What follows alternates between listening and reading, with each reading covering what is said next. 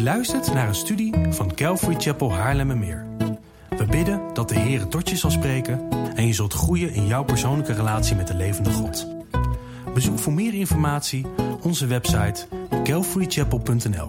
Dat is C A L V A R Y C H A P E L.nl.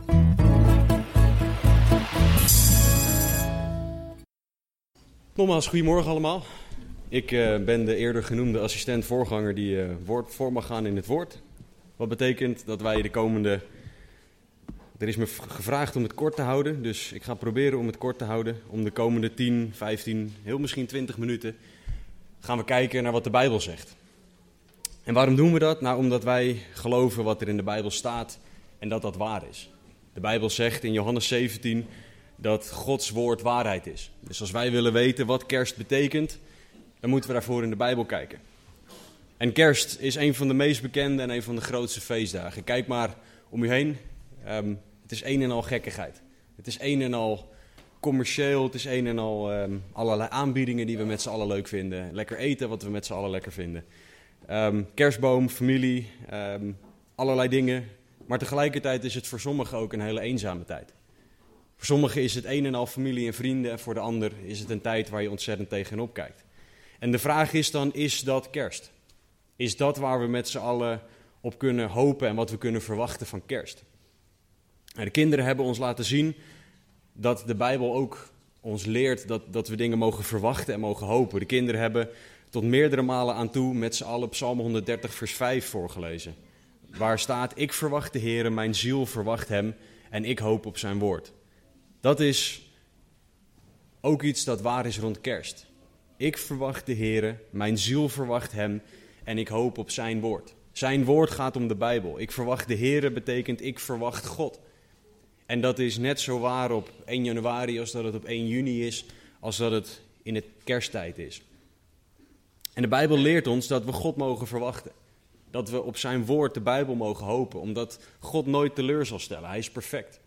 De Bijbel leert ons dat wie op hem hoopt, dat God, gezondheid, dat God aan die persoon zal laten zien dat hij te vertrouwen is. En wat heeft dit nou precies met kerst te maken? Nou, de kinderen hebben een aantal beloftes van de Heere God laten zien. Ze hebben laten zien dat Simeon ehm, God zelf verwachtte en op God hoopte. Dat was waarvoor hij elke dag naar de tempel ging. We hebben gezien dat Anna daar ook zat, om ze verwachtte de Messias. En God die stuurde als antwoord op deze verwachting en op deze hoop een baby naar de aarde. Een baby die als mens zou leven. En dat was geen experiment van God om te kijken of de aarde wel was zoals hij dacht dat het was. Dat was niet iets waarbij God wilde zien, hebben ze het wel goed hier op aarde? Ehm, zijn ze wel lief voor elkaar?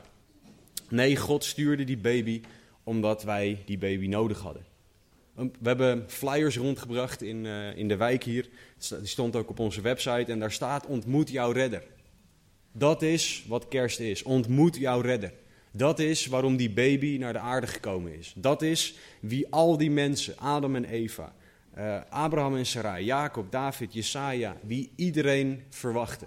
Die ene baby. Want hij is de redder. Adam en Eva leefden in een perfecte wereld. En toch hadden zij uiteindelijk een redder nodig, omdat zij ervoor kozen om niet naar God te luisteren. Zij maakten die perfecte wereld kapot en wij zien daar nog elke dag de gevolgen van. Adam en Eva samen met Abraham en Sarai geloofden dat God iemand zou sturen, omdat God dat had beloofd aan hen. Iemand die alles recht zou zetten. Dat is die baby waar we, die we mogen verwachten en op wie we mogen hopen. Jacob kreeg dezelfde belofte als zijn voorouders. Iemand die zou komen om de fouten van de mensen op te lossen als die mensen dat wilden. David was degene die de belofte kreeg dat een van zijn nakomelingen voor altijd koning zou zijn. Dat was die baby waarop hij hoopte en de baby die hij verwachtte. De redder die hij verwachtte en waarop hij hoopte. Jesaja kreeg de belofte dat God iemand zou sturen, een redder. Immanuel, God met ons. Dat is wie Jesaja verwachtte en op wie Jesaja hoopte. En dat, is, dat verwachten en hopen is een thema dat terugkomt. Dat terugkomt in wat de kinderen ons hebben laten zien, wat terugkomt in wat de Bijbel ons leert, maar ook vandaag de dag. Wij hebben allemaal, of we het nou bewust zijn of niet, hebben wij dingen en mensen waar wij op hopen. We hebben dingen die we verwachten. We verwachten bijvoorbeeld dat als we wakker worden dat de zon opkomt. Of in sommige gevallen al opgekomen is als je een puber bent en houdt van uitslapen. Um, ook als je niet een puber bent die houdt van uitslapen trouwens hoor. Maar, um, de zon komt elke dag op. Dat verwachten wij en daar hopen wij op. We hopen aan het einde van de maand voor degene die een salarisstrook krijgen, dat die salarisstrook weer binnen is. Plus dat er wat op de rekening gestort is. We verwachten en we hopen op bepaalde dingen. Maar de vraag is, is het opkomen van de zon en die salarisstrook, zijn dat dingen waar we, die we, waar we op kunnen blijven hopen?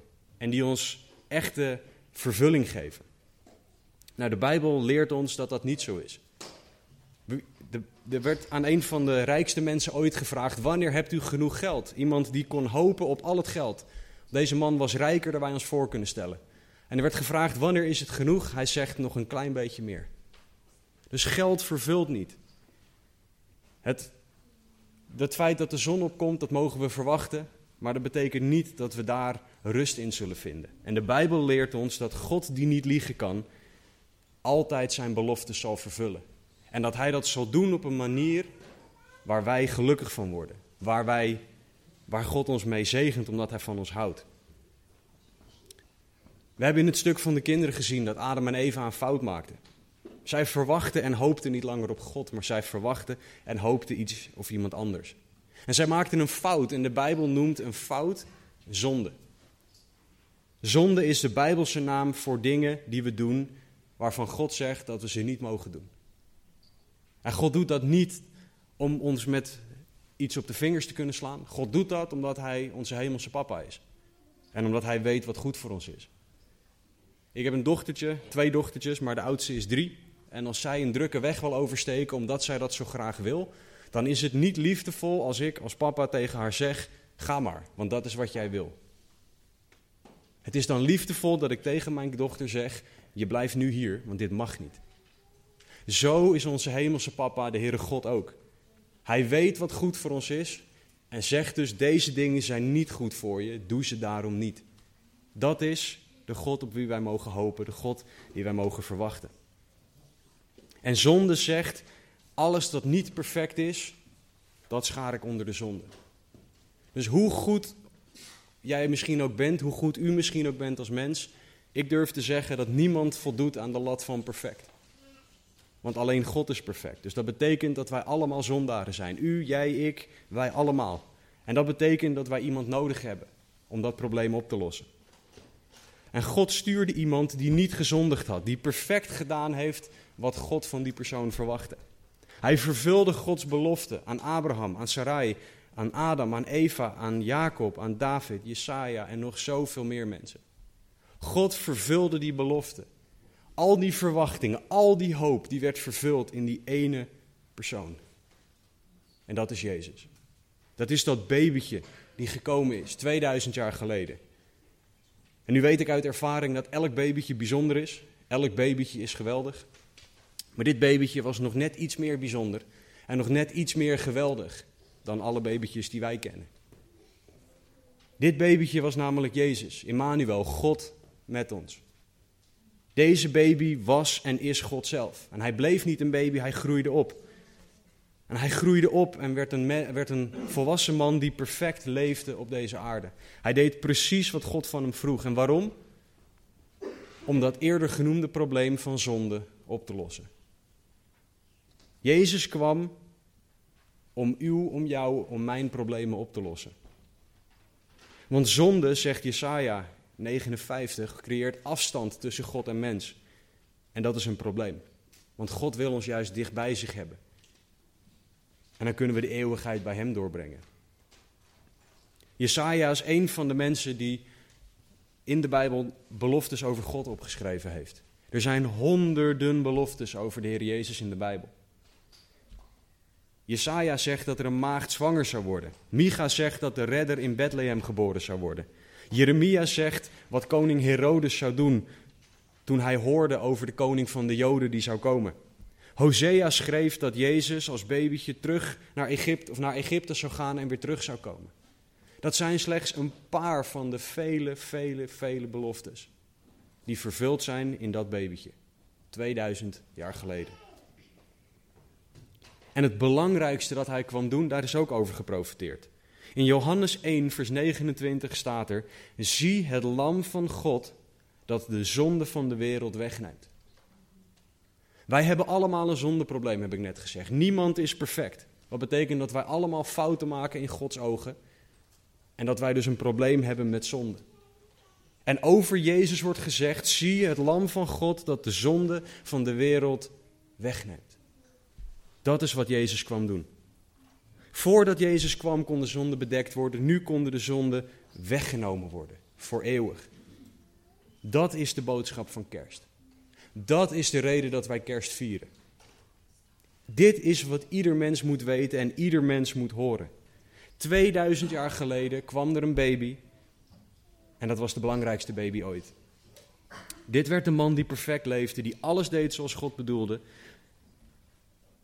En de beloning voor zijn perfecte leven, de beloning voor zijn goede daden, de beloning voor zijn gehoorzaamheid, was dat hij vals beschuldigd werd, bespuugd werd door mensen, dat hij gemarteld werd en dat hij gedood werd aan een kruis. Dat is wat hij kreeg voor zijn perfecte leven hier op aarde. En waarom? Omdat u, jij en ik gezondigd hebben. Jezus kwam naar de aarde als God en die zei: Jullie hebben een probleem dat je niet zelf op kan lossen. Gezondheid. Jullie hebben een probleem dat je niet zelf op kan lossen. Daarom kom ik, zegt God, en ik los het voor je op. Jezus kwam om te leven, te sterven en op te staan uit de dood voor ons. Zijn perfecte leven zorgde ervoor dat hij de straf mocht dragen. Want hij had nooit gezondigd, dus had zelf geen straf verdiend. Jezus' dood, zijn perfecte dood, zorgde ervoor dat hij die straf droeg. Want de Bijbel leert ons dat de straf voor zonde de dood is. En Jezus' opstanding uit de dood zorgde ervoor dat hij die straf overwon. Want hij had die straf al ondergaan. En iemand die gestorven is, die hoeft niet nog een keer straf te ontvangen. De boodschap van kerst is Jezus Christus. De boodschap van kerst is iets, en in dit geval iemand, die u en ik elke dag nodig hebben.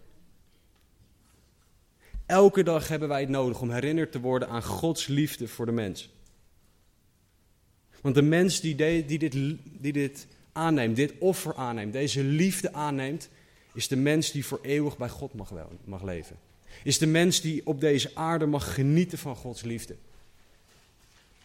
De mens die op deze aarde Jezus afwijst, is de mens die alsnog zijn eigen straf moet dragen. Wat de eeuwige dood is op een plek die de Bijbel de hel noemt. Jezus kwam om ervoor te zorgen dat niemand dat hoeft te ondergaan. Maar hij wil wel dat wij ervoor kiezen, dat wij Jezus aannemen. Dat wij zeggen tegen Jezus, ik accepteer wat u gedaan hebt, ik ben een zondaar en ik heb u nodig. Dat is de oproep van kerst. Kerst heeft een boodschap voor ons, maar kerst heeft ook een oproep voor ons. En de vraag is of wij erop reageren. Jezus kwam en deed al deze dingen. Jezus leefde perfect, stierf, stond op uit de dood, ging terug naar de hemel. En alles wat hij deed, omdat hij van ons houdt. Hij houdt van jou, van u, van mij.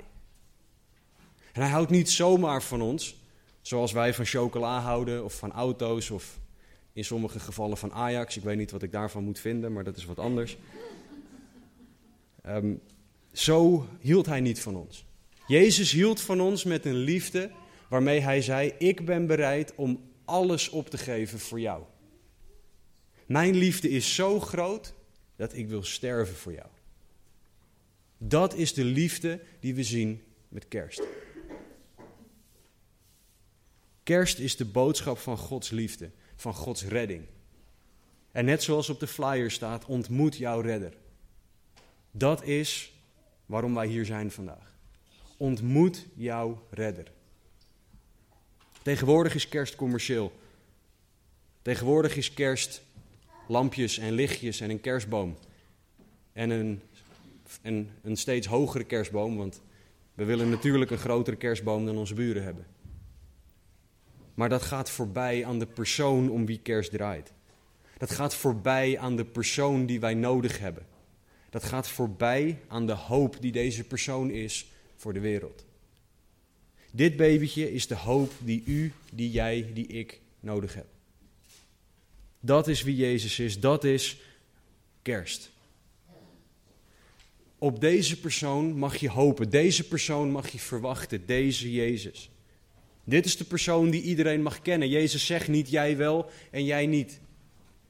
Jij bent goed genoeg en jij niet. Kerst zegt niemand is goed genoeg, daarom geef ik het aan iedereen. Want alleen Jezus is goed genoeg. Op Jezus hopen is een verwachting die niet teleurstelt, een hoop die niet beschaamd maakt. Oftewel, als jij op Jezus hoopt, zal jij krijgen wat God belooft. God zal je niks meer, maar zeker niks minder geven dan wat Hij belooft in Zijn woord, de Bijbel. Dit is een God van trouw, een God van liefde en een God van genade. En dat is de God die wij vandaag mogen leren kennen. Al de mensen die de kinderen ons lieten zien, verwachten de Heer. En ze hoopten op God en op zijn woord. Zij verwachten uiteindelijk Jezus en ze vertrouwden dat God die persoon zou sturen die hij beloofd had. De Bijbel zegt: geloof in God, vertrouw wat de Bijbel over Jezus zegt. En dan heb je eeuwig leven. Dan heb je vergeving van zonde. Dat betekent niet dat je alles in één keer moet begrijpen, dat je de Bijbel uit je hoofd moet weten. Simpel vertrouwen. In Johannes 20, vers 30 en 31 staat het volgende. Jezus nu heeft in aanwezigheid van zijn discipelen nog wel veel andere tekenen gedaan die niet beschreven zijn in dit boek. Maar deze, maar deze, wat er wel staat, zijn beschreven, opdat u gelooft dat Jezus de Christus is, de Zoon van God. En opdat u door te geloven het leven zult hebben in zijn naam. We hebben heel veel kinderen vanochtend gezien. De Bijbel leert dat wij mogen geloven als een kind. Mijn dochters vertrouwen mij op mijn woord omdat ik hun papa ben. Zo mogen wij vertrouwen op God. Simpel, eenvoudig vertrouwen omdat Hij God is. En omdat wat Hij zegt waar is. Dus geloof wat Jezus zegt. Geloof wat de Bijbel over Jezus zegt. Kerst zegt, dit is Jezus. Heb je een papiertje voor mij? Dankjewel. Belangrijk, een papiertje van je dochter aannemen. Kerst zegt, dit is de persoon die jij mag verwachten. Dit is de persoon die jij, op wie jij mag hopen. De vraag is, wie verwacht jij en op wie hoop jij? Op wie hoopt u? Is dat op de economie? Mark Rutte? Is dat dat Ajax een goed seizoen draait? Is het een baan, carrière, kinderen, geld? Is het iets anders dan Jezus? Dan zal het uiteindelijk zo zijn dat het teleurstelt. Want het is altijd minder dan God zelf. Hopen op Jezus levert eeuwig leven, vergeving van zonde, liefde, genade, barmhartigheid op. Elke andere hoop levert minder op dan dat. En de vraag is: ben jij, bent u bereid om op minder te hopen dan de perfecte God? Nogmaals, de flyers zeiden: ontmoet jouw redder. Jezus kan en wil jou, u, mij vandaag redden. De vraag is: willen wij dat ook? Dankjewel, man. De vraag is: willen wij hopen op Hem of willen wij hopen in iets dat minder is? In iemand die minder is? Iedereen die in deze zaal zit, die Jezus aangenomen heeft, kan bevestigen dat je, wanneer je in Jezus gelooft, rust zal ervaren. Dat je vrede zal ervaren, liefde, genade in je relatie met deze persoon. Omdat je niet meer hoopt in een ding, maar in een wie, in een, in een levende God. En deze levende God is er ook voor jou, voor u en voor mij. Geloof wat de Bijbel over Jezus zegt. En al deze dingen zullen je gegeven worden. Geloof in Jezus en je zonden zijn vergeven, is wat de Bijbel belooft. Geloof in Jezus, verwacht de Heer en hoop op Hem vanochtend. Laten we bidden. Heere God, we danken u voor kerst. We danken u voor de Heer Jezus. We danken u voor dat babytje dat 2000 jaar geleden gekomen is. We danken u, Heer Jezus, dat u van God mens geworden bent. En dat u, terwijl u God was, mens was, perfect leefde en voor ons gestorven en opgestaan bent. Dank u wel dat u dat gedaan hebt. En laat iedereen die hier zit, die u nog niet kent, zien hoe groot dat wonder is, alstublieft. Laat iedereen alstublieft zien hoeveel u van hen houdt. Heren, want u houdt oneindig veel van iedereen. Overtuig iedereen alstublieft. Heilige Geest, overtuig van zonde, oordeel en gerechtigheid op dit moment. Niet omdat wij dat verdienen, maar omdat u een genadig en liefdevol God bent. We danken u voor kerst. We danken u voor het feit dat u doet wat u belooft. En dank u wel dat als wij u verwachten en op u hopen, dat u nooit teleur zal stellen. Laat iedereen zien hoe bijzonder kerst is. En laat iedereen zien hoeveel u van hen houdt. Heren, dat vragen wij niet omdat wij dat verdienen, maar dat vragen wij uit genade in Jezus' naam. Amen.